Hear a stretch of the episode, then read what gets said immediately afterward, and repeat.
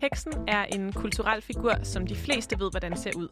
Spids hat, sort tøj, gerne lidt grøn i ansigtet med en vorte på næsen og flyvende på sin kost. Men heksen er samtidig en historisk figur. En betegnelse for de primært kvinder, der især i 1500- og 1600-tallet blev brændt på bål. De seneste år har vi set en fornyet interesse for heksen, både i kunst, kultur og forskning. Men hvem var de historiske hekse egentlig? Og hvorfor er vi så fascineret af hekse i dag? Kunne hekseforfølgelserne finde sted igen i dag? De kalder det et hovedværk, både i dit eget forfatterskab og i dansk litteratur. Dem, der inspirerer mig, dem jeg tænker sammen med, dem jeg laver politik og litteratur med. So what I'm going to do is just sit here and eat my book while you guys carry on. Så fortælle om nogle af de her skæbner, så man kan mærke det. Mm. Så det ikke er for sjov. Jeg har sgu mere øh, autoritet end min forlagsdirektør og samtlige tosser på DR. Velkommen til Boblen. Mit navn er Veronika, og i det her program undersøger jeg den rolle, som litteratur og kunst spiller i samfundet, og hvordan det påvirker vores selvopfattelse, vores idéer og vores drømme. Og til at hjælpe mig med det, der har jeg to litterater med i dag. Celeste Borgkost Fagerskov. Hej. Og Clara Eddy. Hej. Velkommen til jer. I det her program, der skal vi jo undersøge hekse og hekseforfølgelserne, og vi skal prøve at se på det både i en, øh, i en dansk kontekst, og så skal vi også snakke med øh, den italiensk-amerikanske forsker Silvia Federici, som har forsket i hekseforfølgelserne på europæisk plan, øhm, og prøve at kigge på, hvordan de kan lære os noget i forhold til, hvordan vi analyserer nutidige situationer. Så det er det, vi skal prøve at dykke ned i i dag.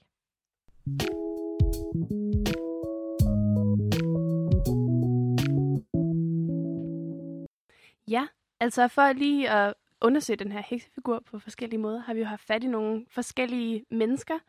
Øhm, og en af dem, det har været øh, Lulu A. Hansen, der er projektleder for museet Heks. Øhm, og vi har været ude på en lille, en lille tur, en, en lille tur for at besøge hende til Ribe Museum of Witchcraft Ja, og det øh, museum, det åbnede øh, her den her sommer, den 29. juni, så det er helt nyt. Og vi skal lige høre øh, første klip af vores, øh, vores tur til Ribe. Det kommer her.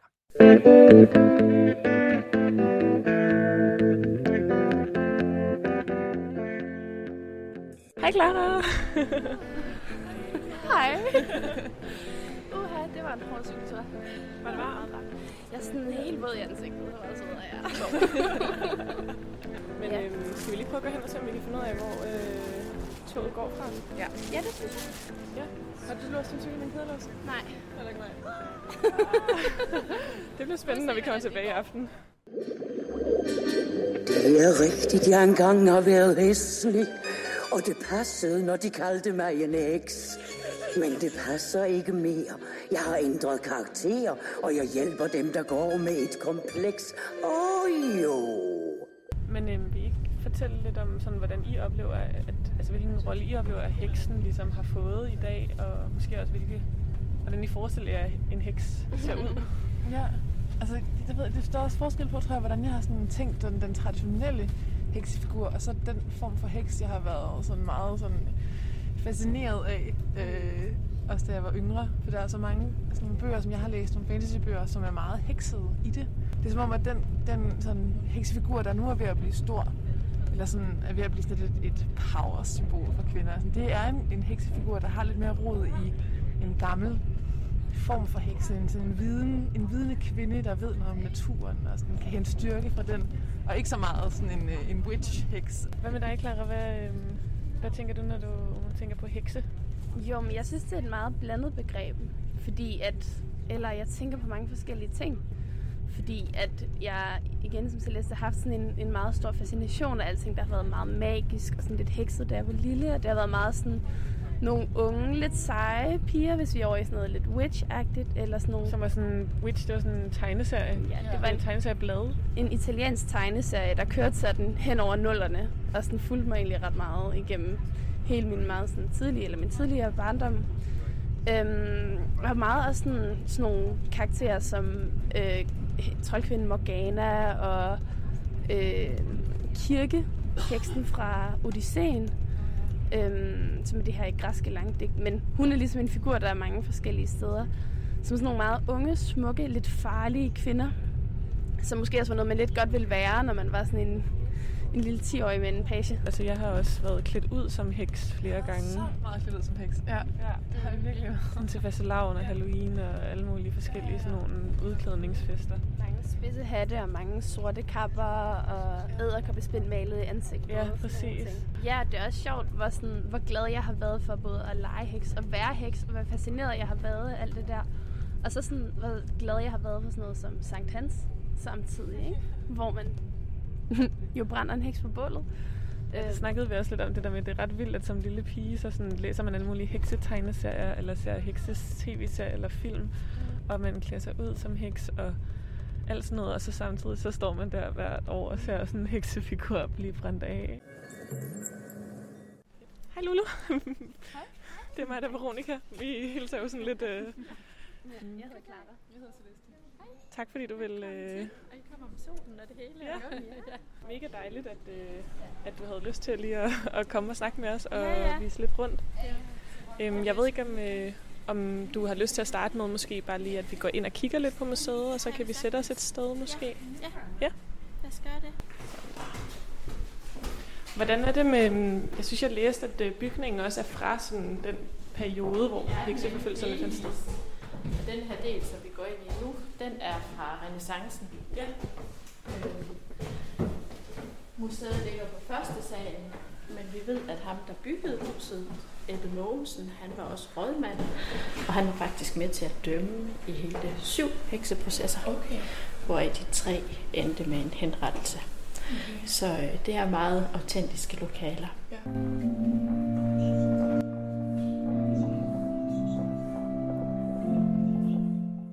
Hedder Lulu Anne Hansen, og jeg er historiker og leder af historie- og formidlingsenheden ved Sydvestjyske Museer, som jo så også driver HEX.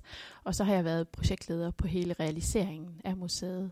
Heksen som figur er så stor en del af vores selvforståelse. Vi bruger jo heksen som referenceramme på godt og ondt. Figuren er jo blevet omfortolket mange gange og brugt i mange både politiske og underholdningsmæssige, og nogle gange begge dele formål. Vi synes, der er nogle perspektiver i det, som øh, godt kan reflektere over i dag. Som historiker, så skal man jo altid passe på at være opmærksom på, at der er ikke to situationer, der er helt ens. Men der er alligevel nogle dynamikker, som man godt kan pege på, og det er jo også årsagen til, at vi ligesom har brugt det med frygt, og hvad er det, man er bange for, som den røde tråd. Fordi det kan vi også godt se i dag, at når man er bange for et eller andet, når tilværelsen er usikker, jamen så har man tit behov for at, at kunne pege på noget som årsag, og det er i hvert fald sådan helt grundlæggende.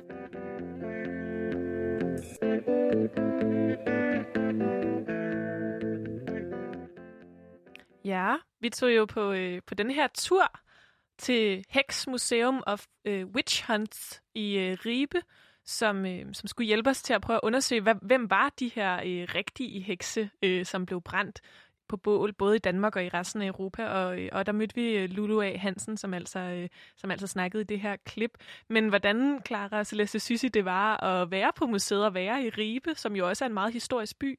Det var virkelig sjovt at være på tur til Ribe, fordi altså, jeg synes virkelig, man kan mærke historien, når man går i den der gamle bykerne og går forbi domkirken og går i de der sådan bitte små krogede gader. Vi gik forbi den gade, man går på, når man kommer op til museet. Det hedder sådan noget sorte brødregade. Og Lige præcis. Det ligger virkelig en stemning for ja. sådan resten af, af museumsoplevelsen. Ja, det, var, altså, det, det, det er fedt det der med, at man kan mærke historien så tydeligt, når nu museet lægger så meget vægt på historien, og, og det her med, at 15-1600-tallet er rundt omkring en, når man går rundt i Ribe. Ja, det er jo det, spændende. der er helt vildt spændende. Og det er også sådan, på en eller anden måde giver det også en, en ret fed stemning, når man så kommer ind på museet, og man har gået igennem den her meget historiske by, øhm, og man forstår på en eller anden måde lidt de ting, der ligesom foregår på den tid på en helt anden måde. Ja, fordi så- altså 15-1600-tallet, det er jo enormt langt væk, kan det godt føles som. Hvad er det for en, altså, det er jo en fortid, vi på en eller anden måde ikke rigtig kan være i kontakt med. Ja, altså det er sådan en periode, som jeg sådan føler er lidt mørk. Ja, også på en måde, man ja. taler lidt om sådan den mørke middelalder, som noget, der sådan er lidt... Og det er næsten sådan, det er sådan lidt, jeg har det også med 15-1600-tallet, at sådan, det er ikke noget, jeg føler, jeg har lært specielt meget om i skolen, for eksempel. Nej, det, nej, det er sådan et, et mørkt felt i, i den historiske viden. Altså, men det er det, man mærker, når man så går øh, i byen, at, at det, det var levet liv, ligesom de liv, vi lever nu. Og det er jo også det, der, som Ludo faktisk også snakker om i det her klip, vi lige har hørt, at der er jo også nogle dynamikker på spil i 15-1600-tallet. med nogle omvæltninger i samfundet, øh, nogle uroligheder, noget frygt, der ligger i samfundet for en meget forandret verden, man befinder sig i lige pludselig, som vi sagtens skal relatere til i dag. På den måde er historien ikke særlig langt væk. Ja, og det er også den her tematik af frygt, som på en eller anden måde gør, at man kan forstå de her dynamikker meget mere i en samtidig kontekst.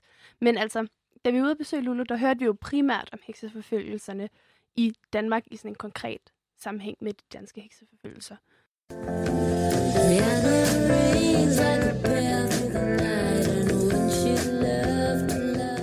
Og det første rum, man kommer til her, det, øh, det handler sådan ligesom om, hvad, hvad foregik der inde i ganske almindelige menneskers hoveder.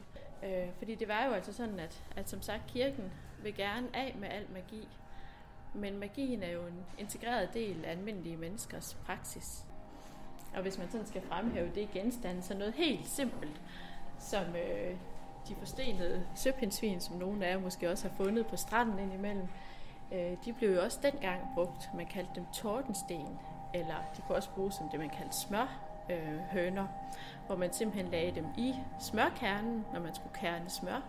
Og så kunne de både beskytte smøret mod, at andre skulle gøre noget slemt ved det, men det kunne måske også bidrage til, at man selv fik bedre smør. Og smør, det var ligesom sådan en kerne, et kerneprodukt, både fordi man havde brug for det, men det var også lidt prestige, og hvis man havde godt smør, så måtte det være, fordi Gud havde tilsmilt det en, og så var det, fordi man var et godt, et godt menneske. Men når man selv kunne gøre noget for at sikre sig liv og godt helbred, så var der også andre, der kunne bruge det. Hvem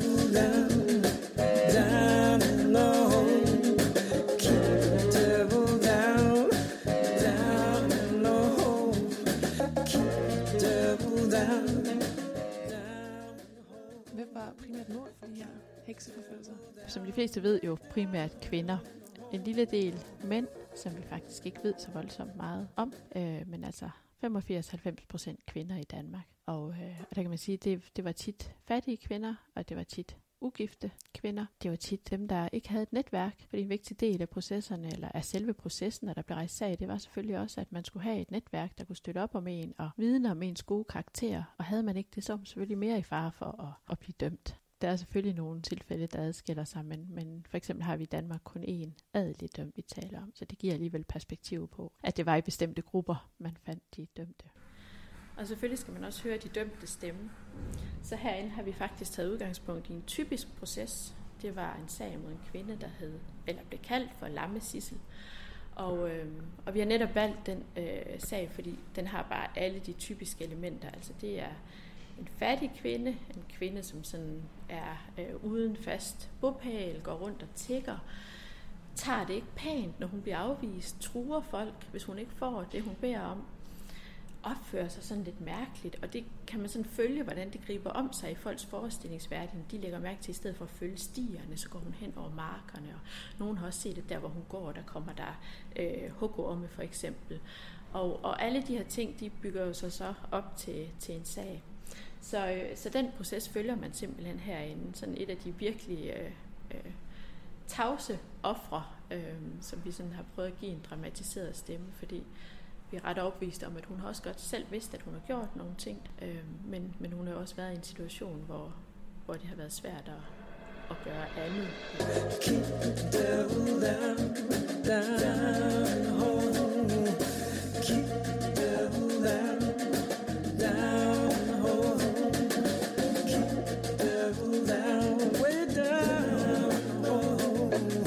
Helt bredt, så kan man sige sådan, på europæisk plan, så taler vi tiden fra ca. 1450 til 1750. I Danmark, der har vi sådan de første kendte eksempler omkring 1540, og så har vi jo altså den sidste, i hvert fald henrettelse, i 1693. Så øh, det er en meget lang periode, vi taler om. Og når man taler Danmark i den periode, så taler man jo Danmark-Norge. Så når vi taler om 1000 henrettede, så tæller det altså begge steder. kan man selvfølgelig også have med, at forholdsvis var vi jo altså heller ikke så mange mennesker, som vi er nu dengang det er jo så også det, der gør, at man kan sige, at Danmark for eksempel har en relativt høj andel, fordi altså Frankrig eller de, de franske områder, der er vi oppe på noget af det samme, men der var jo altså også betydeligt mange flere mennesker. Går man så her ind i det andet lokale, så går vi op på et lidt andet niveau, fordi det handler egentlig om, øh, om øh, eliten, hvis man sådan skal bruge et populært udtryk. På den ene side, så har vi denne her bogreol, som repræsenterer videnskaben om dæmonerne og troldfolkene. Dengang blev de kaldt dæmonologer. Der blev skrevet bøger, hvad er det for nogen? Hvad er det, vi har med at gøre? Og det helt grundlæggende, det var, at alle var enige om, at djævlen fandt sine håndlanger blandt menneskene. Slet ikke tvivl om det. Men der var nogle teknikaliteter omkring, hvordan opdager man dem? Hvad er det, de gør? Altså flyver de reelt til Bloksbjerg, eller flyver de et andet sted hen? Øh, hvad er det, de bruger i deres salver? Alle de her ting blev simpelthen diskuteret som det, man kunne kalde en, en videnskab i den periode. Så herinde der dannes ligesom sådan et, øh, et videnskompleks, øh, som man så faktisk bruger til at lovgive på baggrund af. Og for at symbolisere det, der har vi valgt fire europæiske lovgivere ud. Selvfølgelig Christian 4. Øh, for Danmarks vedkommende. Øhm, og Danmark havde jo også en af de hårdeste trolddomslovgivninger i Danmark, da Christian IV udsendte sin forordning i 1617 om troldfolk og deres medvidere. Man kan se i årene efter Christian IV's lovgivning, altså der blev også henrettet øh, mistænkte eller dømte troldfolk inden da der kan man faktisk se, at der er det faktisk halvdelen cirka af de danske processer, der finder sted, sådan, jeg mener, de er de otte år efter. Øhm, og der har vi haft en historiker, der sådan har siddet og, og regnet på, sådan, jamen det er jo faktisk altså, i gennemsnit hver femte dag, der bliver henrettet en heks i en periode. Så selvom det kan lyde af et mindre tal, det der med, at det handlede om cirka 1000 mennesker i Danmark Norge, jamen så, altså, når man tænker på, at det var koncentreret i, i en relativt kort periode, så er det alligevel fyldt meget øhm, i folks bevidsthed.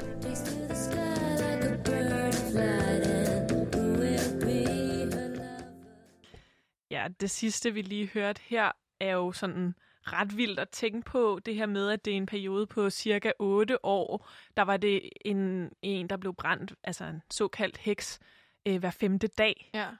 Altså, det, hvad, hvad tænker I, Celeste, hvad tænker du, når du hører det? Hvordan, altså, var du overrasket over det, da du fik det at vide fra, fra Lulu Hansen? Ja, jeg synes, at det sætter det i perspektiv. Altså, fordi Lulu snakker, snakker også om det her tal 1000, som er det antal hekse, der bliver brændt i Danmark-Norge i perioden med hekseforfølgelser. Og hvad skal man gøre med det der antal 1000? Det virker jo sådan på en eller anden måde lidt, altså lidt svært at forholde sig til i hvert fald. Og sætte det op til at være hver femte dag, det er jo, det er jo en helt, helt anden historie, vi så får. Og ja, en anden præcis. alvorlighed, der så også ligger i det. Ikke? Det er ikke bare noget, der engang imellem sker sådan hver tiende år eller noget. Nej, jeg synes også, at man bliver en smule altså, øhm, lidt rystet, så når man tænker over altså den øh, styrke, der er i det, at forestille sig, hvordan må det have været mm. at være øh, især kvinde på den her tid. Ja. Øhm, og, og så bliver der så jævnligt, altså jeg ved godt selvfølgelig, at det ikke er i den samme by og sådan nej, noget, nej, nej. Og, men alligevel den der bevidsthed om, at, at der, det må have føltes som om, at der var mm. rigtig, rigtig altså mange, der døde ja. i den periode. Jeg forestiller mig bare også, at man må være blevet, nu snakkede vi om frygt tidligere, altså rimelig ja. skræmt altså, ja. af de her øh, processer, ikke? Virkelig skræmt. Vi snakkede lidt tidligere om det her med, at jeg vasker nok tøj hver femte dag, men så skal jeg tænke på, hvor lang tid efter ligger mit tøj så i tørretumbleren. Det er måske 3-4 dage nogle gange, og hvor lang tid hænger tøjet fremme. Det er mange dage, altså sådan, i forhold til, at man kan gøre noget hver femte dag, der kan altså ligesom brede sig ud over meget længere tid. Og det tøj er måske lidt åndssvagt, men det der med... Jeg synes, det er en fed sammenligning. At det ligesom hænger der i flere dage og i flere længere tid. At det ikke bare er noget, der sker en gang hver femte dag, og så er det overstået, men det er noget, der på en eller anden måde må have spredt sig ud mm, i samfundet ja. på sådan lidt scary måde. Altså, selvom man, man jo nok ikke har haft øh, kendskab til, som altså, beboer i en eller anden landsby i et eller andet land, alt, den, alt det, der er sket, så har det jo været en stemning, man, man kunne mærke. Ja, måske lidt mere alvorlig end tøjvask også, ja, ikke? også mere altså, alvorlig end tøjvask. Men, ja. men hvad, hvad, hvad synes I ellers? Altså, nu er vi jo kommet tilbage, og, øh, og I har også haft noget tid til lige at tænke over, øh, over turen. Hvad, hvad synes I, hvad var sådan, hvad lagde I mærke til ved museet, da vi var, da vi var derinde? Jeg synes, det var ret flot at bygget på den her måde, at det ligesom langsomt gik op igennem tiden, at det prøvede ligesom at ligge, det lagde en, grund, altså en grundstemning i form af det her frygt, og så kom man ind i de her forskellige rum, og så bevægede det sig langsomt op mod i dag. Altså så kom vi til et sted, hvor at det begyndte at snakke om sådan, den sidste officielle henrettelse i Europa, var i 1783 i Schweiz. Men at det først blev ulovligt på en eller anden måde at henrette hekse i 1866. I Danmark, ikke? I Danmark, ja. ja. Og det er jo også bare de officielle ting. Man ved jo ikke, hvad der ligesom måske er sket andre steder rundt omkring. Altså fordi, at man godt gør noget lovligt eller ulovligt, men man ved ikke, om der på en eller anden måde stadig har været stemninger for det. Øhm, og så på den måde, det ligesom langsomt bragt os op mod i dag, og den måde, heksen bliver brugt i dag. Ja, jeg kunne godt tænke mig, at vi lige sådan, fordi det nævner Lulu Hansen også her i klippet, det her med, øh, med Christian den 4., øh, og det her med, at øh, jeg kunne godt tænke mig, at vi lige gik lidt mere ned i, hvad var det lige præcis, øh, Christian den 4's rolle var i de her hekseforfølgelser i en dansk kontekst?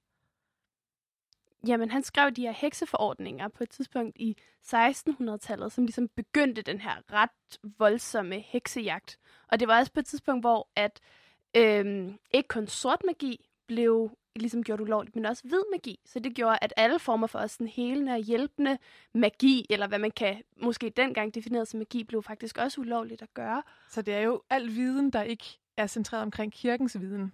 Det er jo, det er jo så nu hvid magi, og derfor ulovligt, ikke? Jo, alt.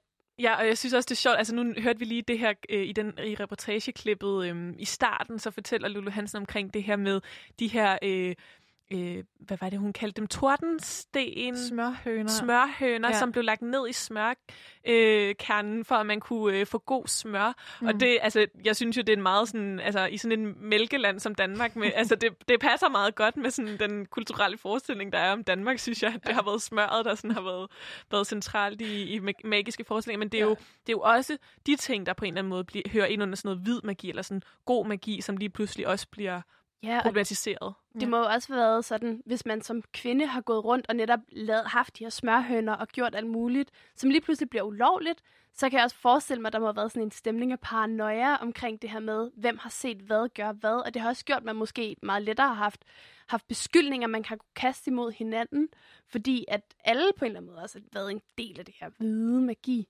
Og det, som også kommer, øh, som, som Lulu Hansen også kommer ind på øh, i reportagen, det er jo øh, det her med, hvordan at, at det ikke bare er noget, der sker ude i de enkelte landsbyer, men det er noget, der er en del af retssystemet. Det er noget, der kommer sådan en forordning fra kongen, altså Christian den 4. om, men også, at, at der også er de her, den her videnskab, som spiller en, en rolle i udviklingen af, hvordan man ligesom spotter en heks, og hvad der kendetegner hekse og heksegærninger. Ja, der kommer hele det her vidensfelt, altså demonologi, og at man kan være demonolog, og undersøge det her fænomen, som er trolddom og troldfolk og hekse.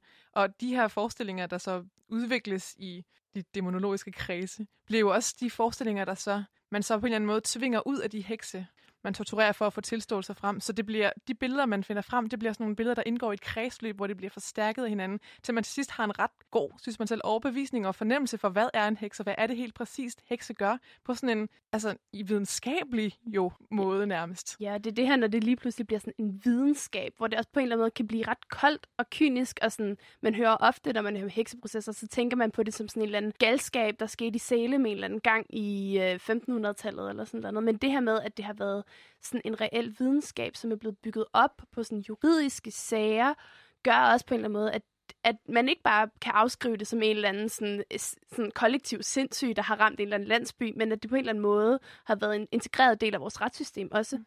Og der skal vi jo selvfølgelig også lige huske, det var noget af det, som, øh, som Lulu Hansen også øh, havde som pointe, det her med, at det har jo været forskelligt i forskellige lande, og for eksempel i Danmark, der har der været nogle regler for, hvornår man brugte tortur i forbindelse med øh, hekseprocesser, som var anderledes end i nogle af de andre europæiske lande, hvor der var hekseforfølgelser.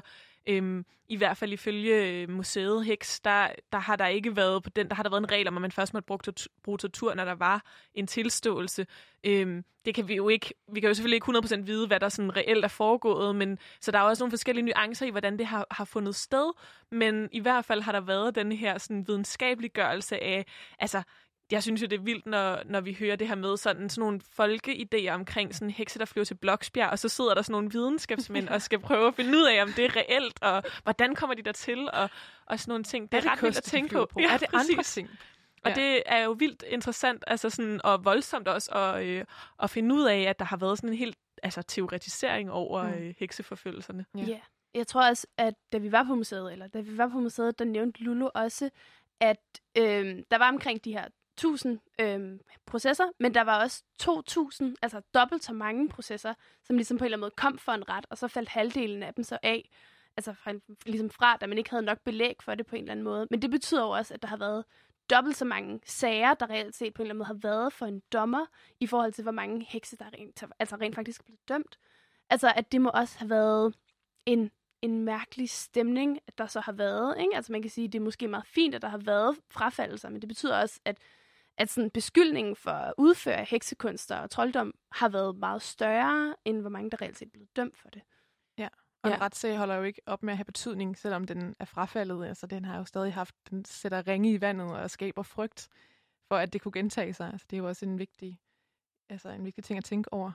Ja, så det, vi, det som vi fandt ud af at, at være øh, forbi Heksmuseet, var jo blandt andet det her med, at i Danmark, i en dansk kontekst, er det særligt i slutningen af 1500-tallet og i 1600-tallet, at, at hekseforfølgelserne finder sted, især øh, i 1600-tallet efter den her forordning, som Christian den 4. Han, han laver. Men som du nævnte, øh, Clara, så øh, fortsætter øh, Øh, hvad kan man sige, hekseprocesserne også i hele Europa sådan rigtig højt op.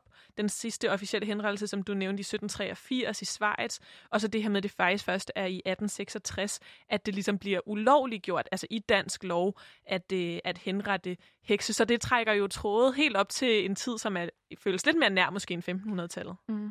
Ja, vi kan også tænke på, hvor meget betydning vi måske især i de sidste mange år har lagt sådan noget som 1864 altså øh, slaget i 1864 i forhold til, hvor meget vi måske egentlig tillægger de her hekseforfølgelser eller de her hekselove og betydning. Altså sådan, vi kan det ikke, jeg føler det ikke, vi har stoppet med at snakke om, om det.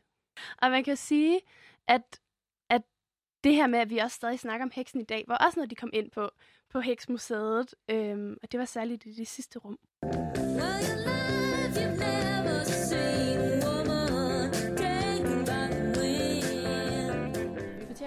fortæller også lidt om, hvordan heksen har sat sig spor i eftertiden. Vi har sådan et begreb som heksejagt, som vi stadigvæk bruger, og øh, kæmper om, hvad betydningen egentlig øh, er af. Øh, det er også et kulturelt og kommercielt fænomen på nogle områder. Det har jo dannet skole for en hel generation af teenagepiger, der har fundet identitet i at, at se sig selv i, i både nogle amerikanske øh, serier, men også i, i, i bøger og litteratur, øh, som har omhandlet det her tema.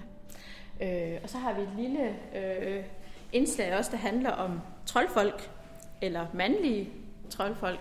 Øhm, og det er jo fordi, man har et andet billede af, af den mandlige magiker. Altså, øh, det er sådan en, der kan noget med politik, og en, der kan noget med slægt, og kender fra Ringenes Herre og Harry Potter. Altså, det er de, øh, de ældre vise mænd tit kommer der så også efterhånden lidt mere varieté eller variation i, i billederne, men, men det er ikke sådan det der øh, lidt, øh, hvad skal man sige, øh, øh, smålige, som, som det er over kvinders magi. Og det, det synes vi også er værd at, at huske på, at selv i eftertiden, der spiller det der med køn en, en vigtig rolle i vores syn på, på There's some things, though, I know for certain. Always throw spilled salt over your left shoulder Keep rosemary by your garden gate. Plant lavender for luck. And fall in love whenever you can.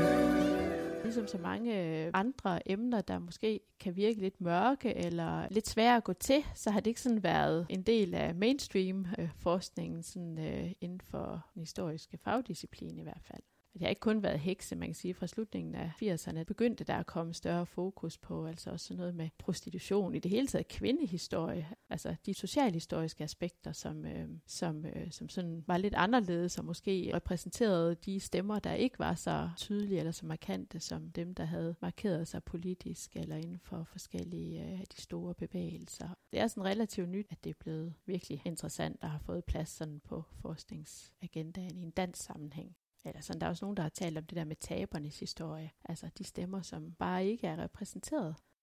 Det er jo en figur, der har øh, fået et væld af betydninger. Altså allerede fra 70'erne er man jo begyndt sådan især inden for forskellige feministiske strømninger også at se heksen som det der symbol på den fri kvinde, på kvinden, der ikke lader sig indordne så der er flere, der begynder at kalde sig heks, som ikke nødvendigvis opfatter sig som del af altså en organiseret gruppe eller noget, men, men, øh, men som føler sig i pagt med naturen, som mener, de, de kan noget andet. Men, men det er jo sådan ligesom en del af det. Og så kan man sige, så er der jo så ikke fantasy-genren har været med til også at, at give en mulig identitet som sådan lidt outsider, hvor man har et fællesskab omkring magien og det magiske. Og, øh, og det er der faktisk lavet nogle undersøgelser af, i hvert fald i England, af hvad det er, der har gjort, at unge kvinder har følt sig tiltrukket af det her. Og det har nogle gange været det der med, at hvis man føler sig lidt anderledes, så kan man faktisk finde en identitet og en eller anden form for empowerment, at det kan godt være, at man er anderledes, men man kan noget, man har et fællesskab, øh, som ingen andre andre, man har et hemmeligt fællesskab eller søsterskab. Light as a feather, stiff as a board.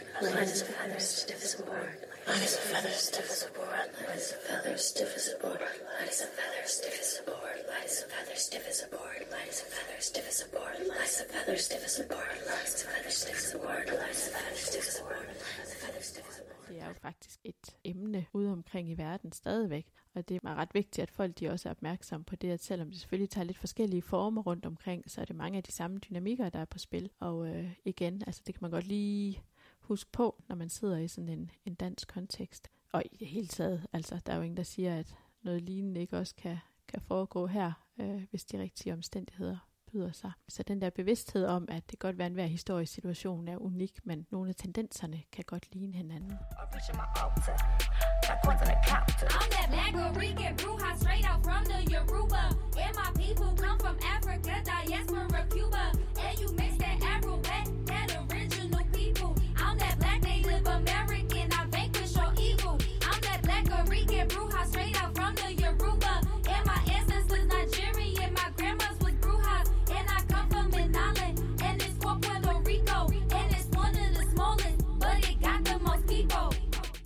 skal vi lige gå op til Domkirken måske?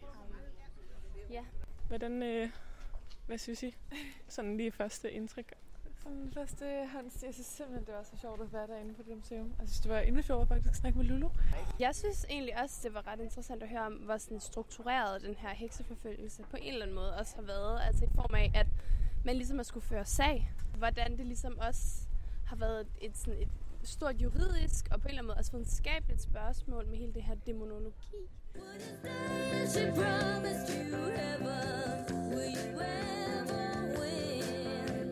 Ja, Clara og Celeste, det var jo øh, vores, øh, vores tur til, øh, til Ribe.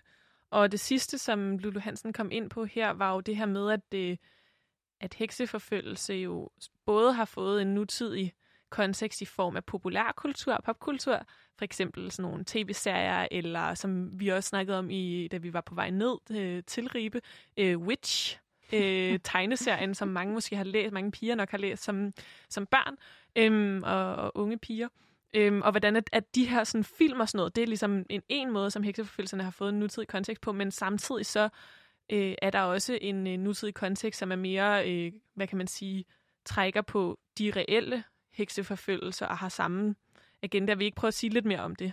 Jo, altså man kan sige, det, det der er med, øh, med den sådan populære kulturelle øh, heksefigur, som er i Witch, eller sådan i andre de her teenage-ting, man kan øh, læse, er jo, at det netop ikke er hekseforfølgelserne, det trækker på, men en eller anden mytisk idé om kvinden med magt, eller med viden, eller med en eller anden sådan overnaturlig evne, som man kan identificere sig med, som måske er sådan en usikker teenager, som har brug for et eller andet fællesskab. Øh, hvorimod øh, den hekseforskning, der er øh, sådan begyndt at, øh, at komme op i tiden fra 70'erne allerede, trækker på tabernes historie, som er altså sådan et, som hekseforfølgelserne jo er et udtryk på, den her udstødte kvinde, uden netværk, uden det her sådan stærke bagland til at sikre sig mod forfølgelserne. Og det er jo en helt, helt anden figur, det er jo en helt, helt anden virkelighed, og der er på en eller anden måde et, et underligt crash der. Ja, det er også nogle af, af de dynamikker og de historiske kontekster, jeg tror, at Lulu mener er enormt vigtige at tage med for det her museum. Det er netop de her øh, tabernes historie på en eller anden måde. At det her med, at, at der er måske den her meget mytiske kvindefigur, øh, som man kan blive draget af, men der er altså også en reel historisk kontekst, øh, som man ikke lige sådan skal glemme, eller at den her heksedynamik, eller den her hekseforfølgelse også godt kan tage andre sager, eller, eller kan tage andre former, som er mere nutidige. Det er sådan noget, vi ser i sådan nogle sager, som for eksempelvis hævnporno, hvor der også hurtigt sker sådan en kæmpestor demonisering af, af kvinder og kvinders seksualitet på en eller anden måde. Og så er der jo også, som, øh, som vi ikke hører så meget direkte her, men, øh, men Heksmuseum har arbejdet sammen med øh, Anja øh, Loven, som jo arbejder med hekseforfølgelse i Nigeria, øh, hvor at der er sådan reelle forfølgelser af, af folk, der bliver anklaget, som jo har mere karakter af sådan, ja, den her sådan forfølgelses- øh, og sådan, altså voldelighed i en hekseanklage, altså konsekvenserne ved en hekseanklage, hvor at, at det andre måder, man ser det på i en nutidig kontekst, er ikke nødvendigvis, at man siger, at du er en heks, men for eksempel øh, netop den her sådan, øh, at det har voldsomme konsekvenser, når øh, kvinder for eksempel træder uden for den seksuelle norm, eller hvor seksuel man må være, for eksempel med hævnporno og, øh, og sådan nogle ting. Så hekseforfølgelserne har både været øh, en meget voldelig og, og voldsom øh, konkret historisk begivenhed, som har fundet sted i Danmark, og som faktisk har været højere i Danmark, altså andelen af, af processer i Danmark end i gennemsnit, eller hvad man skal sige, hvis man ser i forhold til befolkningen, end andre steder, og som vi måske har glemt lidt, og det er i stedet blevet til sådan lidt sådan en, øh, sådan en mytisk øh, figur. Ja, den identifikation, man ret nemt kan træde ind i, ikke uden sådan en, en historisk bevidsthed.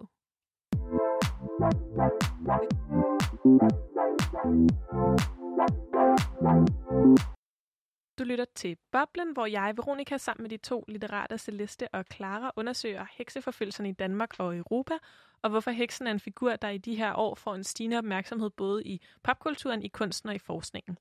Og vi har lige hørt en reportage fra vores besøg på det nyåbnede Danske Museum Heks, som formidler historien om hekseforfølgelserne med særligt fokus på historien i Danmark. Og her talte vi med historiker Lulu A. Hansen, der blandt andet fortalte, hvordan at Christian den 4. han spillede en stor rolle i intensiveringen af hekseforfølgelserne i Danmark. Hun fortalte også om, hvordan der i en periode på cirka 8 år blev brændt så mange mennesker på bålet i Danmark-Norge, at det svarer til cirka en hver femte dag. Og så fortalte hun om, hvordan videnskabelige idéer om trolddom, såkaldt demonologi, også spillede en vigtig rolle i hekseforfølgelsernes udbredelse. Så der fandt altså en systematisering af hekseforfølgelsernes sted, og netop de her systematiske og strukturelle aspekter og konsekvenser ved hekseforfølgelserne, det har den italiensk-amerikanske forsker Silvia Federici beskæftiget sig med. Federici hun er professor emeritus i politisk filosofi ved Hofstra University i USA, og så har hun udover at forske i de strukturelle forhold omkring hekseforfølgelserne, også forsket i sammenhængen mellem dynamikkerne under hekseforfølgelserne og så i dag.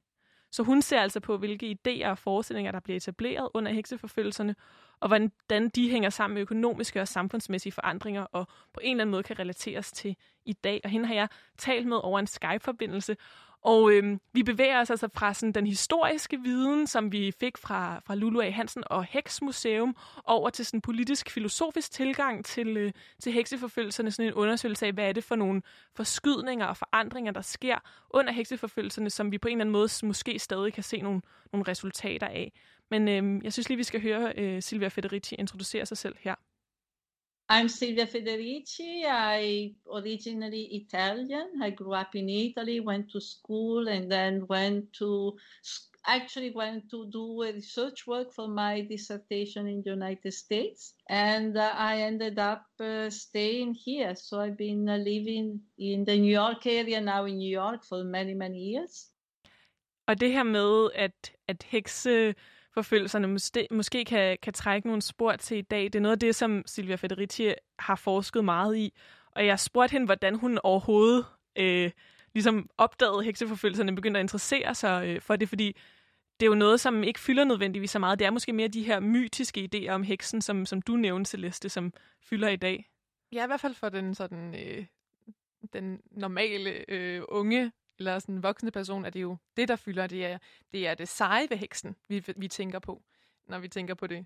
Altså, ja, ikke så meget sådan den blodige historie, der ligger bag ved alle mulige traditioner, som vi bare fejrer. Sådan. Lige præcis. Og samtidig så har vi jo også de her begreber med, at vi kalder kvinder for hekse, hvis de er nogle, ja. øh, nogle værre nogen, ikke? Øhm, og, øh, og Silvia Federici, hun, var, hun har selv været aktiv i den feministiske bevægelse. Hun øh, var aktiv i 70'erne i noget, der hedder Wages for Housework, der blandt andet var interesseret i at kigge på, hvor stammer kvinders øh, undertrykkelse fra, altså hvor, hvordan opstår det? Og, øh, og hun bliver interesseret i at prøve at undersøge, hvad er det for, øh, hvorfor er det, at kvinder så ofte er øh, hus øh, hustruer eller hjemmegående husmødre, og, øh, og hvad betyder det for, øh, for kvinders øh, rettigheder eller for, for kvindeundertrykkelse? Og, øh, og det fortæller hun lige lidt mere om i det her klip. For me, it became very important to understand the history. What is the history of reproduction? You know, from the, the moment of the identified as the transition to capitalism, you know, to the present. Because we have a long history of the formation of the working class, the for, you know the, the Marxist socialist history of the development of capitalism. But uh, when we started looking, you know, for women, for housework, reproduction, procreation, we discovered that it was silent. So this was the impulse for me to go back and try to understand. We have the history of the wage worker, but what is the history of the unwaged house worker? And it was in this process that I encountered the witch hunts. Ja, det er måske vigtigt lige at sige her, når øh, Federici hun snakker om reproduktivt arbejde, så er det både sådan noget som at føde børn, altså meget sådan, måske giver det sig selv, det er reproduktivt, men det er altså også husarbejde på mange måder, altså sådan noget, som man måske ser almindeligt som noget meget altså kvindearbejde, men også sådan det arbejde, der skal være i et hus i form af rengøring og madlavning og alle de her ting, der ligesom på en eller anden måde hele tiden skal reproduceres for at opretholde et eller andet, som er et hus ja. eller et hjem. Noget, man jo nærmest ikke ser som arbejde mange steder, fordi det er jo bare noget, der bliver gjort sådan lidt uden for markedet, og Ja. derfor så er det heller ikke noget, man kan betale for. Lige præcis, det er en natur, et naturligt kald for, øh, for kvinder, øh, er tit det, der er fortællingen. Ikke? Øhm, og det er netop det, som, som Silvia Federici også er interesseret i. Altså, øhm, hvordan opstår den her idé om, at det er altså, et naturligt kald, og det ikke skal betales, selvom det jo egentlig... Altså, altså, jeg tror, at folk, der sådan har prøvet at skulle vaske op eller vaske gulv, eller altså sådan vil sige, at det er arbejde. Ikke? Det er ikke noget, man nødvendigvis har specielt meget nydelse ved at gøre. Det er noget, der bliver nødt til at blive gjort. Sådan har jeg det i hvert fald selv.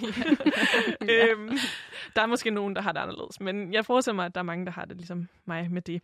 Øhm, så, så Silvia Federici, hun er interesseret i undersøgelsen, hvorfor er det, det sker, og det, det er her, hun peger på, at der bliver hekseforfølgelserne interessante, fordi det, der er centralt i hendes forskning, og for hendes, hvad kan man sige, teoretisering af hekseforfølgelserne, det er, at hun argumenterer for, at der at den her idé om kvinders rolle, og det her med, at kvinder naturligt hører til i hjemmet, den på en eller anden måde bliver cementeret i forbindelse med hekseforfølgelserne. Hun argumenterer for, at der simpelthen er et skifte fra hekseforføl- før hekseforfølgelserne og efter i kvinders rolle i samfundet, og det fortæller hun lige lidt om her.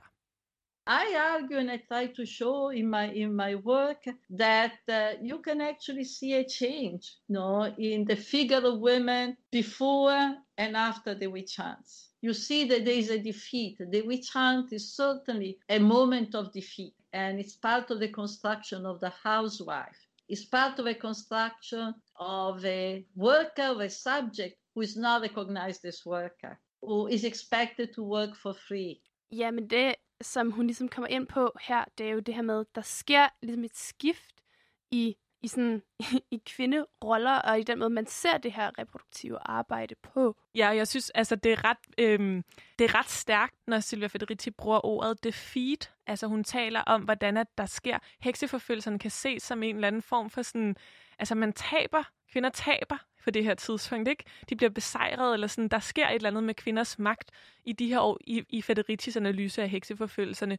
Det sætter hun i en, i en økonomisk øh, og social kontekst, fordi der sker rigtig mange forandringer, øh, blandt andet en overgang fra, øh, fra feudalsamfund til kapitalisme, for eksempel i sådan en økonomisk model, men også med, at man har reformationen, for eksempel i den her periode i forhold til religion, øh, ligesom at staten også begynder at spille en større rolle. Så hun ser det i relation til en hel masse forskellige øh, dynamikker, der er på spil i den her tid, men jeg synes jo, den her sådan, det her med, at det, det er defeat, eller sådan, det synes jeg er et ret, altså det opsummerer meget godt, hvordan jeg også fik det, da jeg hørte Lulu Hansen stå på Heksmuseum og sige, altså i en periode på otte år, var det en heks hver femte dag, der blev brændt, ikke? Ja, det føles meget, meget voldsomt. Eller sådan, og man, man ved ikke rigtig, hvad man skal gøre af sig selv med den, med den fornemmelse i kroppen, man får, når man hører de her ting. Altså man kan godt forstå, at der har været en eller anden følelse af afmagt.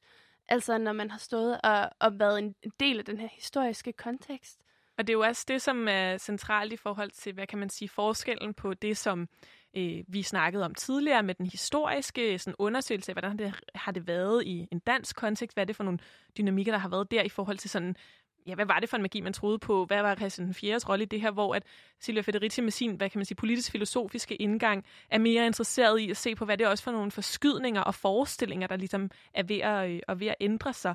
Og fordi hun har den tilgang, så argumenterer hun også for, at der er jo den her idé om, at hekseforfølgelserne, det var sådan en form for hysteri, der greb folk, og som spredte sig som sådan en steppebrand hen over Europa, øh, og, og sådan meget sådan en landsbyting, at man ligesom sådan blev opildnet, øh, og det var, øh, at, og, og der har vi jo set, at der faktisk var noget systematisering, øh, og det øh, mener Federici er ret vigtigt at, øh, at have fokus på i snakken om hekseforfølgelser. The witch hunt is not a, just a moment of craze. It's not just, uh, you know, an irrational phenomenon, but it's actually a phenomenon that was constructed and, uh, you know, theorized, for instance, by many of the intellectuals of the time. Og den måde, som det blev teoretiseret på, det har vi jo allerede været inde på, det er de her, øh, den her demonologi, øh, den her videnskab i øh, hekse, øh, hvordan man genkender hekse for eksempel, og om hvordan de flyver til Bloksbjerg og sådan nogle ting. Og øh, en af de mest kendte demonologier, det er øh, den, der hedder heksehammeren på, på dansk, som, øh, som er sådan, som blev altså optrykt i rigtig, rigtig mange eksemplarer, som er øh, øh, blandt andet kommer ind på, hvordan man kan spotte en heks, hvad der kendetegner en heks. Og det er blandt andet sådan noget som, at hun er utrolig seksuel øh, og lokkende, og, og det, det er en kvinde. Øh, så det er nogle af de ting, som, som Federici peger på, ligesom viser, hvordan at der er en eller anden form for systematisering, øh, selvfølgelig sammenblandet med altså folkelig tro, netop det her sådan, tro på magi, som allerede, allerede fandtes. Øhm, og noget af det, som Federici hun taler om, det er jo, at hekseforfølgelserne fører til en form for disciplinering af kvinder. Mm. Og med disciplinering, så er det jo sådan en form for sådan ind, altså indretning, eller Ja. sådan, hvis nogen siger til, hvis jeg gør noget, for eksempel det her med, når man vokser op i, i, i dag, så kan det være, at man kommer til at gøre et eller andet, som ikke helt passer til vores forestilling om, hvad en pige skal gøre. For eksempel så har jeg tit fået at vide, at jeg var meget højlydt. Ja. Øhm, og det er jo en form gamle. for sådan, ja, og det er jo en form for sådan øh, måde ligesom at rette os ind på, Ja. øh, kan man sige, ikke? Og Jo. nogle ting er selvfølgelig også gode, når man sover andre, at man så får at vide, at man skal sige undskyld og, og sådan nogle ting, ikke? Jo, men der er jo øh, stor forskel på, hvad man så kan som et drengebarn, og hvad man så kan som et pigebarn. Fordi der er jo altså, der er nogle ting, man skal lære som, øh, som medlem af et samfund. Men det er jo ikke nødvendigvis, at man ikke må klatre i træer. Fordi så har man en kjole på, og så, åh oh nej, det skal man endelig ikke gøre. Det er jo, altså, den slags ting rammer jo kvinder. Øhm, ja, Meget meget hårdere, og hårdere, det vil- det rammer drenge. Og ja, og det er jo også noget af det, som disciplinering af kvinder på det her tidspunkt på en eller anden måde også handler om, det er, at de her ting, der pludselig sker, rammer bare kvinden og kvindekroppen på en helt anden måde. Og måske også nogle af de ting, som kvinder har kunnet. Altså sådan noget som for eksempel det at være øh, jordmor og nogle af de her øh, kvinder, der på en eller anden måde har hjulpet til ved fødsler og sådan nogle ting, er noget af nogle af deres egenskaber bliver lige pludselig anset som værende magiske, eller som værende hekseting, og derfor på en eller anden måde fordømt også. Lige og præcis. gjort. Ja, lige ja. præcis. Og, øh, og det var noget af det, jeg også talte med, øh, med Silja Federici om. Hun, hun nævnte som eksempel på den her disciplinering, hvordan at heksen hun blev fremstillet som en, der dræbte børn, og som var imod øh, livet. Og øh, det fortæller hun lige om her.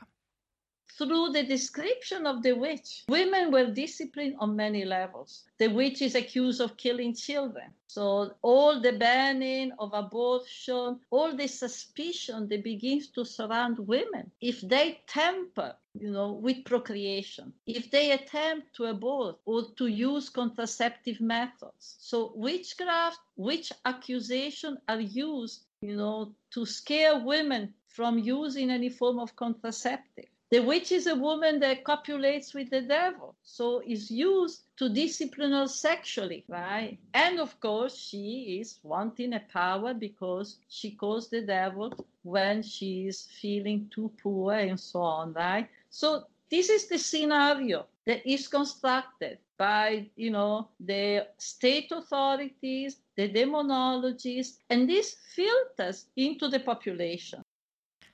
Ja, så det passer jo meget godt med noget af det, du var inde på før, Clara. Det her med, at, øh, at Federici peger på, hvordan at viden omkring abort og øh, også prævention for eksempel bliver noget, som pludselig bliver øh, kriminaliseret, og, øh, og den her sådan, forestilling om heksen som en, der dræber børn, kan jo nemt oversættes til, øh, altså, øh, at man øh, fremkalder aborter. Ja. Øhm, og, øh, og der bliver altså sådan det her sådan form for sådan angreb på, altså på viden, som har, øh, som har ligget hos øh, kvinder. Noget, som Federici også nævnte, som vi ikke lige havde med i det her klip, det var, at der sker også det i de her år, at staten får en meget stor rolle, øh, bliver meget mere centraliseret, og det betyder altså, at der bliver en helt anden kontrol med kvinder, der er gravide. Så når man bliver gravid, så skal man øh, melde det til, øh, til kommunen, og så øh, skal man også, og hvis, hvis man ikke melder det, så bliver det anset for at være kriminelt. Så der er sådan en, en helt klar sådan, så kan man holde øje med, ligesom om der bliver gjort noget i forhold til at slippe for barnet, for eksempel. Og sådan noget. Så, så sådan en ting, som, som handler meget direkte om kvindekroppen, i hvert fald øh, om kroppe, der har en livmor, ligesom bliver pludselig sådan noget, der sådan kommer en, rigtig mange regler for. Det er jo hele det kvindelige område så, der bare bliver øh, ulovligt gjort og kriminaliseret og demonologiseret. Lige præcis. Og Federici, hun peger også på, i forbindelse med hendes analyse af, hvordan at hekseforfølgelserne har nogle dynamikker, eller starter en eller anden form for sådan idé om, hvad en kvinde skal være og ikke skal være. Hvordan at nogle af de forestillinger også kan ses i dag. Blandt andet det her med sådan den her idé om øh, kvinder som nogen, der, der dræber børn i forbindelse med for eksempel aborter. Federici, hun nævnte, hun er jo, øh, hun er jo øh, baseret i USA, i New York, og der ser man jo bevægelser, der angriber retten til abort. Og i USA sker det for eksempel, at retten til livgrupper, som er imod abort, de dukker op ved abortklinikker i store flokke, og så råber de for eksempel babykiller og står sådan i store flokke, og så skal de kvinder, der vil ind og have foretaget en abort, ligesom klemme sig igennem øh, de her øh, store grupper af, af vrede øh, mennesker.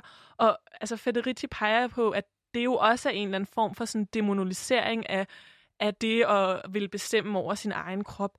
Og for hende er det i hvert fald øh, nyttigt at så se på, hvad er det, der sker i hekseforfølgelserne, i forhold til netop at kunne forstå de dynamikker, der er i dag, og det fortæller hun mere om her. I developed in my mind this conception that you know capitalism oppresses most those who it depends most upon, and procreation is very fundamental for the for the capitalist the, the expansion of capitalist development. Women, imagine if women went to strike, no workers all the workers are coming out of the wombs of women. This is a very sobering, you know, uh, realization. So there is a continuity between the whole orchestration of, you know, contraception, the work of the devil. The witch is a woman who is against the life and the propagation of life. And, you know, this right to life or the killing, baby killer, baby killer. You know, usually Republican, usually people are defending private property, while defending any form of exploitation of people, etc., etc. So it's to me the work I did on the witch hunts of the past was very useful to understand the present. Ja, så her samler hun op på det her med, hvordan at det ligesom kan være, kan være brugbart at forstå nogle af de her, altså hvad er det for nogle forestillinger, der ligger til grund for for eksempel øh, den her sådan måde at agere på for kvinder, der ønsker aborter. Altså der er nogle helt klare idéer om, hvad et liv er og hvad det ikke er, og hvem der bestemmer over øh, kvinders kroppe, som Federici i hvert fald mener kan ses som noget, der bliver virkelig sådan cementeret i hekseforfølgelserne, fordi de er jo simpelthen altså, øh, altså drab på kvinder, der ikke passer ind, i hvert fald i Federicis tolkning af hekseforfølgelserne, at det ligesom er noget, som, som disciplinerer altså for os rettet ind. Som Ja, kvinder. og i, altså, i, sådan, i resultat af, af det, altså helt, de helt konkrete øh, hekseforfølgelser, så også en kriminalisering af alt kvindelig, alt kvindelig viden. Ja, og det var også, altså da vi var ude at besøge Lulu ude på Hex, der snakkede hun jo også meget om det her med, at på et eller andet tidspunkt, når du når op i slutningen af 1700-tallet og sådan nogle ting, begynder folk også at have en eller mere sådan lægelig videnskab, og det er også derfor, at nogle af de her hekseforfølgelser sådan ligesom render ud i sandet. Men det er også sjovt at tænke på noget af den viden, der på en eller anden måde har været givet til staten på det her tidspunkt. Det er jo ikke nødvendigvis noget, der så siver ud tilbage i samfundet, eller sådan de her øh, kvinder, der har vidst noget om, hvordan man fødte og sådan nogle ting, har jo ikke nødvendigvis... Altså, øh, det er ligesom kommet... Det bliver ligesom i staten på en eller anden måde. Det er ikke noget, der kommer tilbage til dem. Det er ikke noget, de får lov til så at blive ved med bagefter.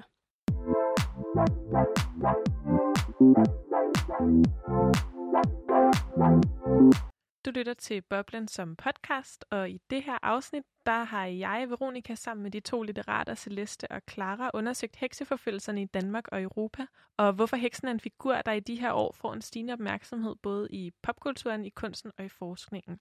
Og her i podcastudgaven af programmet, der går vi lidt ekstra i dybden med den italiensk-amerikanske forsker Silvia Federici og hendes forskning i hekseforfølgelserne i Europa og deres relevans for vores samtid i dag. Og Silvia Federici, hun er øh, professor emeritus ved Hofstra University i USA. Og det vi kom ind på i den første del af programmet, det var jo det her med, at det, som er centralt i Silvia Federicis øh, politisk-filosofiske analyse af hekseforfølgelserne, det er det her med, at hun argumenterer for, at man kan spore en meget markant ændring i kvinderollen fra før hekseforfølgelserne og efter hekseforfølgelserne. Men noget, vi ikke kom så meget ind på i første del af programmet og første del af, af snakken om Silvia Federicis forskning og interviewet med hende, som er foretaget over Skype, skal jeg lige huske at sige. Øh, så det er der, hvor lydkvaliteten måske ikke er så fantastisk. Men øh, det var, hvordan at det, som også er centralt for Federici, ikke kun er, hvad kan man sige, det kønsmæssige aspekt, men også et økonomisk aspekt og et fokus på, hvad er det for nogle strukturelle ændringer, der sker i samfundet, og også et klasseperspektiv, fordi at Federici også argumenterer for, at vi kan se, at det især er fattige kvinder, der bliver, øh, bliver øh, ramt af hekseforfølgelserne, bliver dræbt øh, på bål. Og øhm, ja, nogle af de ændringer, der sker i samfundet på det her tidspunkt, dem tænker jeg, at vi lige skal prøve at få ridset op af Federici. så kan God vi, idé. Ja, så kan vi prøve at snakke om den efterfølgende. Og øhm, jeg, tro, jeg, jeg vil gerne starte med, at vi lige hører hende fortælle lidt om, hvad er det for en økonomisk kontekst, for nogle økonomiske forandringer, der finder sted på det her tidspunkt. Det kommer der lige et klip med her. This is the time when you have boatloads of silver coming from the America because it's the same time of the colonization of the so-called New World. And those boatloads of silver were the driving of a monetary economy. So you have major economic convulsion that displaced a lot of people, created a whole new class of poor, and especially women. Ja, der bliver skabt en helt ny klasse af fattige. Federici, hun kigger også på, hvordan at, øh, man kan se, blandt andet i England, som er et af de steder, hvor hun er gået rigtig meget i dybden med hekseforfølgelserne, at i den her proces med, at der sker en ændring i de økonomiske forhold, der sker der også en privatisering af landområder, der tidligere har været fælles, altså marker for eksempel, øhm, hvor man, vi, vi kender det i dag som, øh, som fælleder, altså Amager Fælled for eksempel, som er sådan et, et fælles område. Og det har man på det her tidspunkt haft rigtig, rigtig meget af. Øh, fælles adgang til jorden, det her, øh, hvad kan man kalde det, sådan almueretten, som man stadig kender i, i, øh, i Sverige og Norge i forhold til skoven. Øhm, men der sker simpelthen en privatisering. Man, man laver hegn, eller sådan hæver jorden rundt om de her marker og privatiserer det. Det betyder, at der er en masse mennesker, som tidligere har haft adgang til at øh, ja, få del i de øh, ting, der kom ud af markerne, altså de ting, der blev dyrket for mad derfra, og på den måde ligesom øh, kunne leve. Og pludselig så øh, er det privatiseret, og har ikke længere adgang til det. Og de skal simpelthen ud og sælge i stedet for deres arbejdskraft, det vi kalder sådan lønarbejde. Og, øh, og Federici peger så på, at man kan se et eller andet sammenhæng mellem de steder, hvor der er intense sådan, privatiseringer af jorden, og de steder, hvor hekseforfølgelserne er mest intensive. I hvert fald, når hun kigger på det i en engelsk kontekst. Så det er også en del af den økonomiske situation, ifølge Federici, som ligesom danner grundlag for hekseforfølgelserne. Og det her med, med fattigdom, det snakkede Lulu Hansen jo også om i forhold til, altså på museet, hvor hun også talte om, at det er meget exceptionelt, at der er nogle få lidt mere rige kvinder og adelskvinder. Det er meget få, der er øh, i Danmark i en dansk kontekst. Vi har jo nærmest kun én, ikke? Marens Blød. Resten var øh, fattige kvinder på samfundets bund, som ikke havde nogen, øh, ikke noget netværk til at bakke sig op, ikke nogen sådan sikkerhed. Ja, Nogen som helst ting. og Splid var jo netop en undtagelse. Ikke kun fordi hun var adelig, men også fordi hun var... Og jeg ved ikke, om hun var, var hun adelig? Hun var nemlig ikke adelig, nej. nej. Hun var øh, bare, i, altså, hun var bare en velstående borger. Hun havde penge, hun var ung, hun var gudfrygtig, så på rigtig mange måder var hun ligesom ikke... Hvad kan man sige? Det, det primære eksempel, man vil komme på, når man kom på dem, der øh, blev brændt på bålet som hekse, eller dem, der ligesom blev forfulgt af de her hekseprocesser. Det var meget mere fattige kvinder, som på en eller anden måde ikke selv på nogen måde kunne eje noget, eller havde noget, men blev nødt til at arbejde for andre. Ja, og, øh, og noget af det, som jo også øh, gør sig gældende her, er, at, at øh, der er jo mange af de anklager, der er mod, mod hekse, altså de, de kvinder, der bliver anklaget for at være hekse, de handler tit om, at, at kvinderne har, øh, har forhekset nogen, eller, eller sådan, ja, sådan kastet for besværgelser hen, altså forhekselser på folk.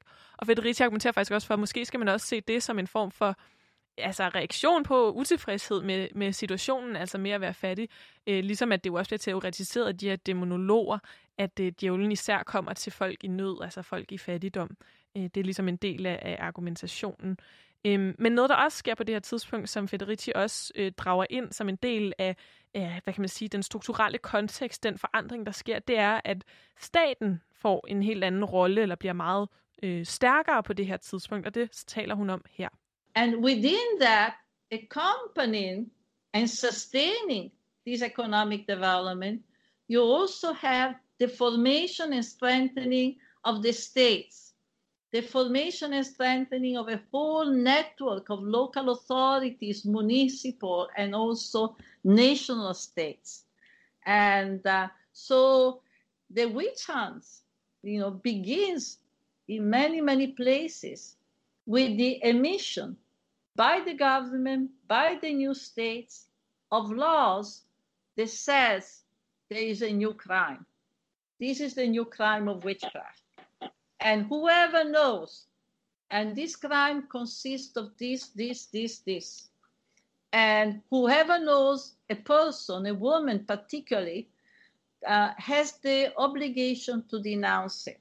Ja, det er jo også altså det, som Federici taler om her, er det her med, at der kommer ligesom sådan en statslig indsats, altså lov, lov der forpligter folk til at angive øh, kvinder, der bliver mistænkt for at være hekse, og det øh, stemmer meget godt overens med den forordning, som Christian den 4. Øh, laver, som vi hørte fra, øh, fra Heksmuseum, øh, hvor at det også blev, øh, altså blev kriminaliseret øh, både øh, hvad kan man sige, sort og hvid magi, altså øh, både ond og god magi. Og øh, noget, som Federici også er inde på, det er, at udover den økonomiske og hvad kan man sige, den statslige, samfundsmæssige kontekst, så sker der også nogle ændringer i kirken i den her tid. Øh, vi har blandt andet altså reformationen på det her tidspunkt i, øh, i Europa, og øh, med udgangspunkt i, i Tyskland.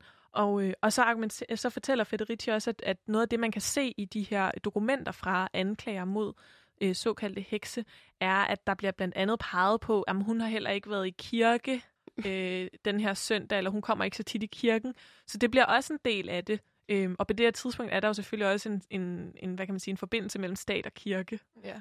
Ja, der bliver brugt lidt mere. I det her eksempel kan man jo sige, at det er en, en form for måde, altså en form at føre kontrol på, hvem der kommer i kirken, er også ligesom sådan en måde at kunne føre kontrol over, hvilke borgere der er i et samfund. Og det er jo på det her tidspunkt måske også meget fedt, fordi hun også snakker om den her centralisering af magt, som sker i staterne. Det er jo også på sådan et tidspunkt, altså det ser man enormt meget i sådan lande som Frankrig og sådan nogle ting på det her tidspunkt. Jamen, kriminaliseringen af øh, den sorte og den hvide magi er jo også en centralisering af viden, så også hos kirken. Altså alt, hvad der ikke er kirkeligt bestemt, det er jo så magi, Ja, og så det er noget, derfor man også piller ulovligt. Ja. Lige præcis. Øhm, så det er sådan den kontekst, der ligesom er, og, og den måde, man ligesom i, i Federicis forskning kan se, at der er nogle forskellige sådan, strukturelle forandringer, som også bliver taget i brug. Altså vi har både nogen, der bliver, bliver fattige af, at der kommer en ny økonomisk situation. Vi har også øh, nogle, nogle stater, som skal cementere deres magt, altså som er ved at udvikle sig, nationalstater er ved at udvikle sig.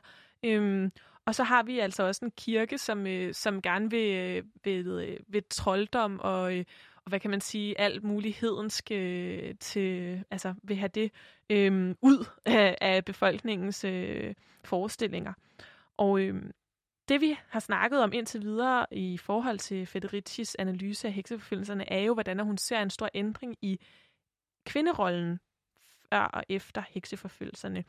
Og øhm, jeg har taget et klip med, hvor hun går lidt mere i dybden med, hvordan øh, hvad det er for nogle sådan fundamentale dimensioner, der er ved ændringerne i hekse øh, eller i kvinderollen, som følger af hekseforfølgelserne. Det handler både om køn, men det handler også ifølge Federici om klasse, og det hører vi lige et klip med her.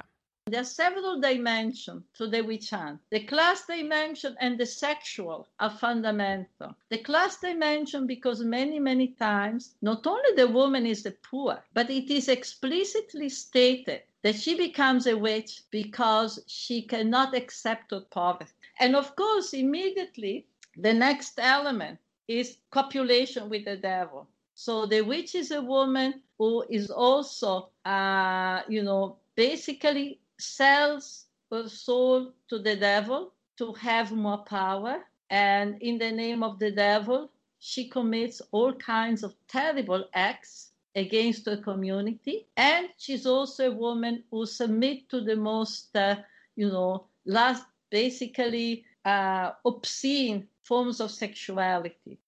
Så ifølge Federici, så sådan to helt fundamentale dimensioner er altså det her med fattigdom, som bliver sådan en helt central del af argumentationen for, hvorfor en heks er, øh, er motiveret til at indgå en aftale med djævlen. Det må være, fordi hun er øh, fattig og, øh, og, og utilfreds med den fattigdom og ønsker en eller anden form for, øh, for magt, og derfor indgår den her aftale med djævlen. Og så er der hele det seksuelle spørgsmål. Altså de her forestillinger om kvinder, der har sex med, med djævlen. Hvad? Øh? det er jo så, en, det er jo så så jeg, kan, jeg har svært ved sådan at, at, at wrap mit hoved omkring det her, hvorfor det er så sådan, det er så konstant et billede. Vi så det også på Hex, og det er noget, man læser om tit, det her med de her kvinder, som øh, har sex med djævlen. Altså, ja. hvad er der med det her billede, som bare går igen, som jeg synes virker helt vildt sindssygt. Hvad er det? Hvorfor? Det er på en eller anden måde det yderste, man kan forestille sig. Sådan den, den mærkeligste ting, den, den voldsomste seksuelle ting, man kan forestille sig overhovedet. Ja, det er det sådan... kvinder, der har sex med djævlen, altså. Jamen, det er jo netop en eller anden sådan dæmonisk øh, sex, man har, når man har, er sammen med djævlen. Men også, altså, det virker bare så sådan, så, så mærkeligt. Ja, men også sådan den her, sådan, nogle af de øh, billeder, vi så af hekse på, øh, altså de samtidige forskellige sådan, tegninger og, og andet sådan, forestillinger af hekse, som vi så på Heksmuseum, det var jo også nogen, hvor kvinderne er, altså så er de nøgne, eller de har løst hår, og de ser meget sådan, altså vilde, eller sådan... Øh, Frivolske de, frivolske, ja, præcis. øh, altså sådan, og, og der er et eller andet med den der forestilling om... Øh, om kvinder som værende i deres seksualitetsvold, som, som også på en eller anden måde spiller ind i den der sådan, altså billede med djævlen. Altså, ja. altså kvinder kan både lokkes af djævlen, når de sådan er fattige, og samtidig så har de måske også en lyst, som gør, Mm. at de sådan på en eller anden måde bare må have sex med den her øh, djævel. Eller, altså, det er Ja. sådan Ja. på virkelig mange niveauer sådan en idé om kvinder, som, som styret af andet end fornuft i hvert fald. Ja, man kan se, at den, den form for seksualitet, der er den, der leder til sex med djævlen, det er den frie. Altså, det er, man er et skridt fra at have sex med djævlen, hvis man har udslået hår. Altså, det er jo nærmest det, der er sådan, ser, det ser sådan ud på, på øh, de aftegninger og forskellige skitser, man har fra perioden, ikke? Ja, men det må også bare være en, en kæmpe stor, lige pludselig sådan, ja, nemlig disciplinering, som vi snakkede om tidligere, af hvordan man skal være, hvis man hele tiden får tegnet et bestemt billede af, hvad man ikke skal være, som er den her øh, nøgne kvinde med løst hår, der har sex med djævlen, altså så bliver hele det her seksualitet lige pludselig enormt sådan, øh, forbudt, kan man sige. Ja, og altså noget af det, som, øh, som vi har været inde på før, det er det her med, at, at, at det, der også er centralt for, for Federici, det er, at, at hekseforfølgelsen, de ting, der sker her, på en eller anden måde har de nogle, altså der er en arv fra det, øh, som stadig gør sig gældende i vores forestillinger om kvinders rolle i dag. Øh, men så argumenterer Federici, Federici også for, at det ikke bare er et fortidsfænomen, og det er rigtig vigtigt at forstå, at det faktisk også er noget, vi ser i dag, og at vi faktisk ser en stigning i hekseforfølgelser i dag, altså sådan reelle forfølgelser af mennesker på baggrund af anklager om at være hekse, og hun uddyber det lige her. The witch hunts are not only a phenomenon of the past. Unbelievably, you know, we found that already in the last 20, 30 years, hunts have started all over again in many parts of Africa, India, Papua New Guinea. There are cases of women accused of being witches also in Latin America and connected clearly once again to development that are happening on the economic front, you know, as well as this very, very aggressive campaign by evangelical organizations. And, uh, you know, it's a very worrisome phenomenon. I think it's very important to go back to the past, you know, to place into a context. det, som, som Federici altså argumenterer for, at vi kan bruge, altså man kan måske godt tænke sådan, det er jo selvfølgelig en forfærdelig historie med hekseforfølgelserne øh, i 15-1600-tallet, og altså det, det er voldsomt at tænke på, men det er også noget, der skete engang, og det er fortid. Men Federici argumenterer jo for, at det er ekstremt vigtigt at se på fortiden for at forstå og kunne se, hvad der sker i dag. Fordi hun jo faktisk siger, at vi kan faktisk se en stigning i, at folk bliver anklaget ikke bare for at være for frigjort seksuelt, for eksempel som kvinder, men faktisk for at være hekse. Øhm, som, og, og, og det, som Federici jo også er inde på i det her klip, det er, at tit så sker det faktisk i kontekster, hvor man samtidig kan se, at der er en voldsom form for religiøsitet, som er meget sådan restriktiv, som, som sti- er stigende i opbakning, samtidig med, at der sker nogle voldsomme økonomiske forandringer. Det er det, hun også peger på, det her med at sige, faktisk så nogle af de steder, hvor tingene kommer op igen, det her med forfølgelse på baggrund af anklager om magi og hekseri, det, det er tit under de samme, eller lignende, man skal passe på måske med at sige samme, men lignende kontekster, som dem, som Federici i hvert fald argumenterer for, at der var for hekseforfølgelserne øh, historisk set. Altså det her med sådan ret voldsomme strukturelle ændringer, for eksempel i forhold til, at flere bliver jordløse øh, og derfor øh, fattige. Og det er jo også altså, interessant i forhold til at forstå sådan, ikke bare at se på det med et historikerblik, men også at se på det med sådan et trække nogle, nogle sådan tendenser ud, som noget, man sådan kan bruge i analysen af samtiden. Ja, lige præcis. Det er jo det her med at, f- at forstå, at det kan godt være, at det virker, 400 år virker som lang tid siden, men der er mange af de her mekanismer, som på en eller anden måde stadigvæk kan være på spil i dag, eller mange af de samme, hvad kan man sige, øh, socioøkonomiske øh, tilfælde, eller kan man også finde i dag. Og det kan be- også betyde, at vi kan ende med at have reelle altså, hekseforfølgelser i dag. Og det var jo et spørgsmål, vi stillede i, øh, i, i min indledning i det her program, om hekseforfølgelserne øh, kan finde sted i dag. Men øh, det kan vi snakke lidt mere om lige om lidt, men vi har jo også i Danmark en tradition, som er en eller anden form for gentagelse af hekseafbrændingerne, nemlig altså Sankt Hans-traditionen. Ja, det er jo helt vildt at tænke på, egentlig, når vi har været igennem alt det her, og sådan, øh, ved nu noget mere om den, altså den blodighed, der var i hekseforfølgelserne, at vi så sådan ret ukritisk egentlig bare gentager hele den, det hele det show. Præcis, og jeg spurgte øh, Federici, om hun kender til den her tradition, og hvad hun tænker om den, og prøv lige at høre med her. I heard of it in a meeting of women in Copenhagen. And they told me we were talking about the witch hunt. And they told me, Do you know about this song? And you know, it's so important. It's very, very important. And I, I think and I know already that there are women who are planning to protest it. And I think it's very important the protest because what I discovered in the last years is that this idea that the witches was a folklore, this ignorance and this continuation, this perpetuation of these practices that are very misogynist. And but at the same time, people continue without being really aware of what they mean, how much blood and torture, how many atrocities were committed, you know, behind those images of folklore. Ja, netop som du var inde på, Celeste, det her med, at det, der jo gemmer sig ekstremt meget blodsudgødelse og voldelighed øh, bag øh, denne her øh, gentagende tradition, vi har med at afbrænde heksefigurer på, øh, på bålet. Og det er det, Federici hun også peger på, at der er sket noget med forestillingerne om hekseforfølgelserne, at det ligesom er blevet sådan en mytisk øh, sådan lidt eventyragtig sådan folkefortælling, som, øh, som, som er spændende og sådan besnærende, øh, men som på en eller anden måde også ender med at dække over, hvad der rent faktisk øh, skete, og hvor meget, altså, hvor meget vold der egentlig øh, foregik. Og det kan måske også godt få mig til at tænke sådan, øh, nu har vi talt meget om, hvordan at, at, øh, at man måske godt kan se, at der er nogle, nogle, en arv fra nogle af de her ting, der skete øh, med hekseforfølgelserne, og også at der er nogle dynamikker, som ligesom ifølge Federici kan spores øh, i dag også. Men samtidig så har vi jo den her idé om, om hekseafbrændinger som sådan noget lidt mere ja, en Sankt Hans-tradition og noget, noget mystisk eller sådan lidt øh, eventyragtigt. Så altså, kunne hekseforfølgelserne rent faktisk finde sted i dag, tror jeg? Jeg har svært ved at se øh, for mig, at trolddoms... Altså i en dansk kontekst, vil jeg mærke, kontekst, fordi ja. nu har vi jo lige snakket om, at de findes selvfølgelig i, i nogle andre former i andre lande. Klart, klart. Og jeg, jeg tror, jeg har svært ved, ved at se for mig, i en dansk kontekst, at trolddomsaspektet skulle komme tilbage. At det, der skulle være baggrund for anklager øh, og hekseforfølgelser i en eller anden form, skulle være magi. Men der er jo masser af andre... Øh, altså... Øh, sådan skræmmende øh, ligheder mellem det, som Federici også øh, fremhæver meget som en grund, eller som et resultat af hekseforfølgelserne, det her med en disciplinering af kvinders ret øh, og magt over egen krop, som jeg synes, man helt sikkert godt kan diskutere i, i dagens Danmark, altså fertilitet, sådan, hvor meget presser vi ned over hovederne på kvinder, at de skal have børn, hvor meget bliver det et samfundsanlæggende, hvor meget bliver samfundet dem, der bestemmer over, hvad kvinder skal gøre med deres egen livmor.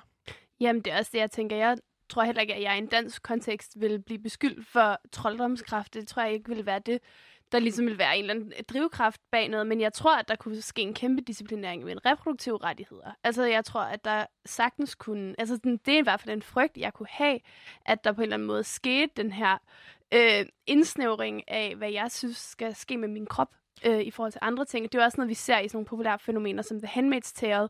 Altså, der er jo, som i Federico på en eller anden måde, også den her religiøsitet eller den her ekstremitet til stede, og så samtidig sådan et spørgsmål om reproduktion.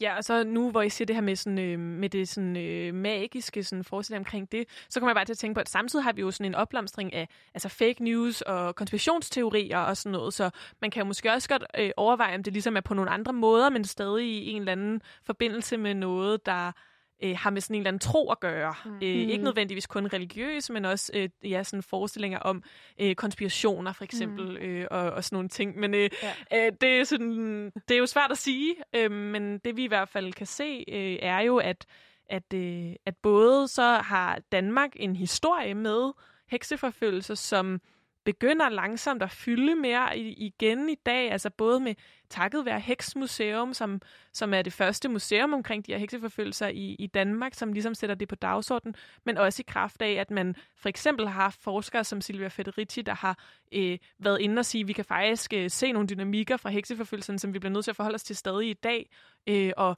og hvordan at det også er med til at aktualisere og har inspireret alle mulige former for fænomener, øh, i en dansk kontekst også for eksempel, øh, øh, hvad hedder det, performancegruppen Hekseskolen, som jo også trækker på nogle af de her idéer om heksen som sådan en modstandsfigur. Øh, Øhm, nu er det tid til at, øh, at runde af i den her sådan lidt ekstra udgave, eller sådan lidt mere dybtegående del af programmet, som, øh, som I får i podcasten. Men jeg synes stadig lige, vi skal prøve at opsummere ved, og jeg vil spørge jer, Celeste og, øh, og Clara, hvad I synes er vigtigt at, øh, at tage med og tænke videre over fra det her program nu, hvor vi også har fået øh, lidt dybtegående øh, interviewklip med øh, Silvia Federici. Celeste, lige sådan lige kort lige op over sådan de vigtigste tak. pointer. øhm, jeg tror, øh, noget af det, som, som vi har fået med i diskussionen, efter vi har snakket, eller efter vi har haft mere med med Federici, er også, øh, hvor opmærksom man skal være på de her underliggende strukturer, som for eksempel centralisering af nogens adgang til jord. Og i, i en kontekst som vores er det jo nogens adgang til at tjene penge. Altså sådan, arv og at have aktier og at have penge, så den skaber penge, og at den, øhm, den dynamik og den øh, struktur er farlig på mange måder. Det tror jeg måske vil være min øh, sidste pointe. Mm. Klar? Jamen, jeg tror, jeg er meget enig med Celeste. Altså, det handler om at kunne forstå nogle strukturer, som ikke kun gælder for 400 år siden, men som også gælder den dag i dag. Om end, altså måske nogle andre kontekster. Jeg tror, det er enormt vigtigt også at lægge mærke til det her med, at der netop har været et større fokus på heksefiguren. Altså, at heksefiguren er blevet mere populær og er blevet brugt til noget, og det tror jeg måske, man skal dykke ind i og sådan undersøge, hvorfor det er. Altså sådan at undersøge historien og undersøge det som et modstandsobjekt og som en politisk figur. Øhm, fordi der ligger bare enormt meget, der kan fortælle os enormt meget om vores historie og om vores egen samtid. Det synes jeg er nogle, øh, nogle rigtig, rigtig gode pointer. Og så måske den, øh, den sidste omkring at sige, jamen altså, øh, vi vokser op øh, som piger i Danmark og klæder os ud som hekse, og samtidig har vi en tradition, hvor øh, små piger står og øh, kigger på hekse blive brændt på bålet. Det kunne være, at, øh, at det var tid til også at gentænke, hvordan, øh, hvordan vi forestiller os den tradition. Det er i hvert fald efter at have hørt nogle af de her ting, øh, blevet en meget voldsommere tradition for mig at tænke på, ja, øh, helt klart. end det har været, mens Virkelig. jeg har vokset op. Altså, der tænker man jo måske bare, at det er meget hyggeligt. Ja, ja. og det er, det, det er det ikke. Det er det ikke nødvendigvis, det det når man lige pludselig kender historien. Øhm, men øhm, tusind tak, fordi I vil være med, Celeste og Clara. Selv tak, Veronica. og øh, tak til jer, der lyttede med.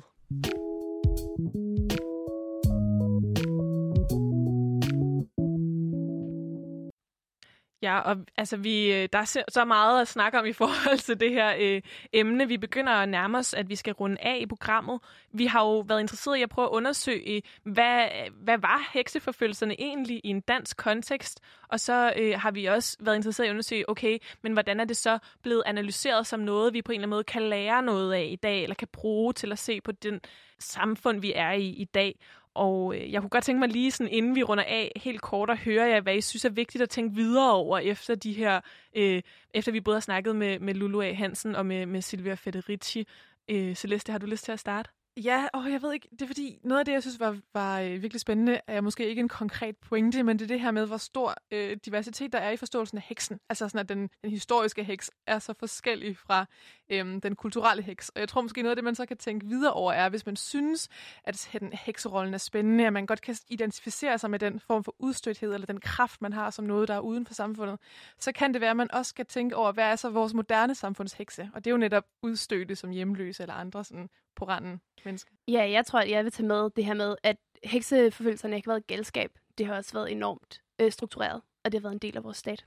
Det synes jeg var nogle gode svar. Øh, nu er vi nået til vejs ende. Tak fordi I vil være med, Celeste og Clara. Selv tak.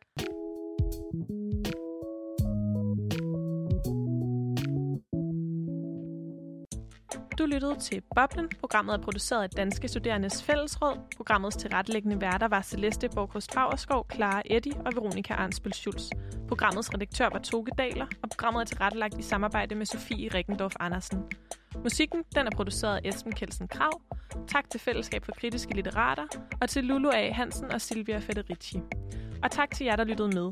Hvis du sidder tilbage med nogle spørgsmål til litteratur, kunst og kultur, eller hvis du har undret over noget, du har hørt forfattere, anmeldere eller andre eksperter snakke om i forhold til litteratur og kultur, så vil vi rigtig gerne høre fra dig, så vi kan lave et program om de spørgsmål, som du sidder med. Send dine spørgsmål ind til boblensnabelagradioloud.dk eller find Radio Loud på Facebook eller Instagram.